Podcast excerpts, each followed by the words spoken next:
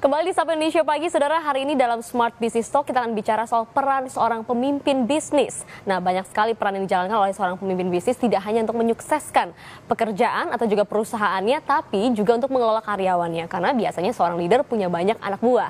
Lalu bagaimana untuk mempertahankan anak buah tetap loyal, terutama mereka yang bekerja maksimal dan bagus mendatangkan profit untuk perusahaan? Kita akan bahas pagi hari ini bersama dengan uh, pelatih kesuksesan nomor satu versi majalah marketing Pak Tung Dusem Waringin. Selamat pagi Pak Tung. Pagi yang dahsyat. Pagi yang dahsyat. Penuh semangat. Penuh semangat. Ya. Pak Tung, ini senang sekali nih kalau bicara soal bisnis ya, karena Ya. banyak yang bisa kita dapatkan dan bisa kita gali. Nah, bicara soal pemimpin, kan biasanya pemimpin itu punya banyak anak buah. Ya. Dan ini juga vital juga karena uh, anak buah anak buah yang biasanya Bagus. bagus, maksimal kerjanya. Dibajak orang. Waduh. Nah, jangan sampai pindah begitu kan. Ya. Nah, Hmm. ada tugas seorang, seorang leader dalam hal ini untuk bisa membuat uh, karyawannya ini loyal dan betah untuk perusahaan. Apa saja itu, Pak Tung? Jadi yang nomor satu pastikan income-nya itu namanya 135.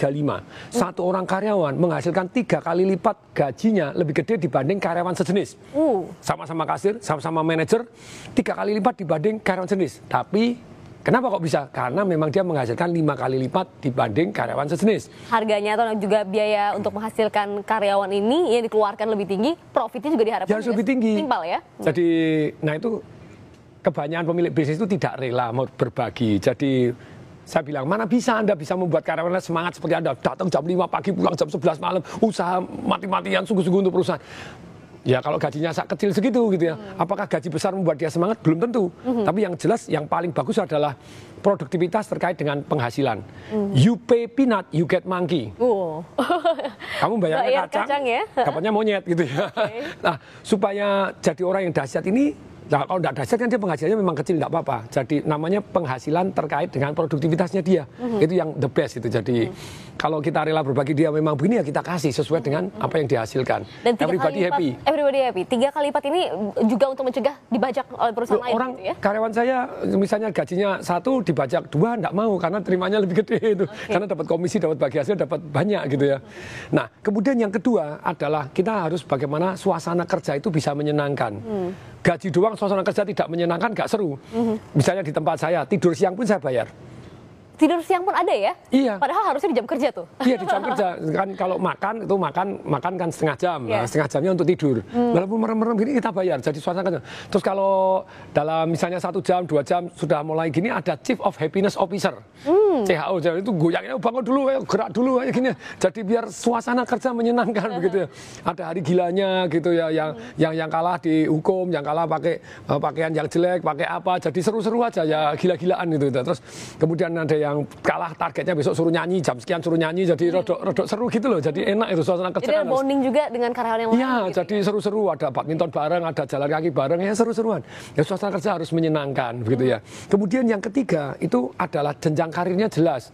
Kamu begini ya kamu bisa menjadi pemilik, bisa menjadi bahkan pemegang saham. Wah, ilah, enak bener kan gitu ya. Jadi dalam target berapa tahun kemudian ada kemudian Ya, anda, anda, anda ya. jenjang karir ini sangat-sangat penting sedemikian sehingga mereka eh bakal bahkan bisa jadi partner loh gitu ya, bahkan bisa dapat bonus saham di perusahaan yang ini dong gitu ya. Jadi kalau saya mencapai begini bahkan saya bisa mendapatkan tadi opsi saham di perusahaan saya sekarang apa pun. Jadi dengan demikian mereka oh jenjang karir saya lebih jelas. Jelas, Kalau ada yang terus di situ terus forever ya ditawarin tempat lain lebih tinggi bar jalan. pindah begitu. Iya dengan Apa damainya. pentingnya sih Patung sebenarnya kita untuk bisa mengelola me- karyawan ini agar loyal atau juga agar betah melalui tiga langkah tadi. Ke- kan banyak yang bilang nih, wah banyak kok yang mau kerja gitu di tengah lapangan Nah. kerjaan yang sempit gitu. Banyak tapi yang top kan sedikit. Maksudnya yang hebat itu sedikit no. Kalau misalnya saya ditanya kenapa Patung dulu keluar dari perusahaan yang lama? Ya saya dikubur di satu kota kecil gitu ya. Terus kemudian penawaran di luar begitu banyaknya di sana terus pada prestasinya juara juara juara, juara lupa dari perhatian dari kantor pusat ya goodbye my love. Yang nawar banyak sekali gitu ya. Gila, orang hebat itu sering kali tidak perlu anda pasang iklan Kenapa tidak perlu pasang iklan? Karena begitu hebatnya jadi orang ngerayu dia. Kinerja akan kemudian mendatangkan banyak lagi Iya. prospek begitu. Zaman dulu saya kerja, empat headhunter nyari saya. Sampai "Loh, kok Anda bisa tahu suruh ngasihin gini? Ya jawabannya seru aja gitu bahwa di setiap gunung itu biasanya ada dewanya, di setiap laut hmm. ada lautnya, di setiap daerah ada orang saktinya. Tahu aja mereka. Hmm. Di kubur di kota kecil aja mereka tahu bisa turun kasih. Artinya kalau kita mempunyai karyawan-karyawan yang potensial, mereka yang menghasilkan profit luar biasa, tiga ini harus dipertahankan dengan tiga langkah tadi ya. Nah, tentu saja perusahaan bisa besar hati, tidak apa-apa saya regenerasi bagus, ya tetap kehilangan kok. Hmm. Ada satu orang hebat itu bisa membuat perubahan bumi dan langit di dalam satu perusahaan. Hmm. Saya percaya super team. Hmm. Tapi saya percaya one man can create super team juga. Hmm. One man can make difference itu jadi hmm. jadi satu orang bisa betul-betul membuat perbedaan bumi dan langit di dalam satu perusahaan. perusahaan. Jadi perlunya itu tadi. Kalau ini memang dia hebat ya kasih bagi hasil satu tiga lima tidak apa-apa lah. Untuk jadi yang baca susah setengah mati. Hmm. Kemudian yang kedua suasana kerja dibuat menyenangkan. Jadi yang ketiga tentu saja.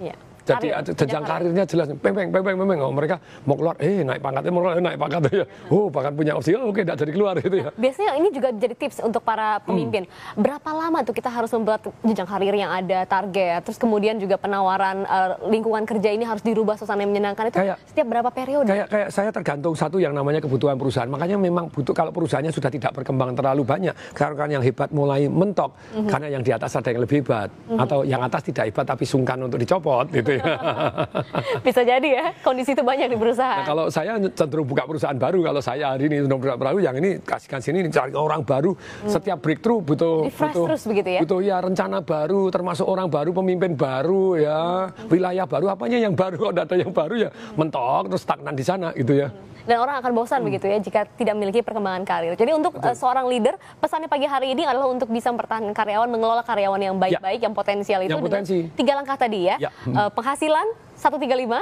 yaitu satu berbanding karyawan. tiga satu karyawan tiga kali gaji lipat minimal dibanding minimal, karyawan sejenis lima profit uh, profitnya menghasilkan lima kali lipat dibanding lipat. karyawan sejenis ah, oh layak lah layak okay. sekali terus kemudian uh, ruang kerja atau lingkungan suasana kerja yang menyenangkan ada boleh tidur boleh begini boleh wah ya agak seru dikit loh ekspresif begitu juga kita kan gitu di ya? tempat kerja jauh lebih lama dibanding di rumah uh-huh. ya tempat kerjanya harus fun dikit lah exciting gitu ya ditambah adanya karir begitu ya atau jenjang karirnya ya baru jenjang karirnya jelas gitu hmm. ya okay. nah tiga hal inilah yang menjadi pesan pagi hari ini untuk anda dan bagi anda yang ingin berinteraksi ingin bertanya mungkin menghadapi persoalan yang mirip-mirip eh, sebagai seorang leader ataupun juga sebagai seorang karyawan bisa mendengarkan topik ini juga ya Pak ya di ya, Smart ya, FM. Di Smart FM setiap hari Selasa. Selasa, sorry. Setiap hari, hari Selasa di Kompas TV tentunya. Iya, Senin Kompas TV jam 7 sampai jam 8. Langsung bisa berinteraksi juga dan melalui sosial medianya. Di Pak Instagram tung TDW gitu ya, Tung TDW. Silahkan di Instagram saya. Langsung saja. Terima kasih. Tanya, ya. Pak Tung sudah hadir pagi hari ini yes. uh, dan berbagi tips sebagai seorang leader untuk memimpin bisnis tidak hanya untuk mengelola tapi juga untuk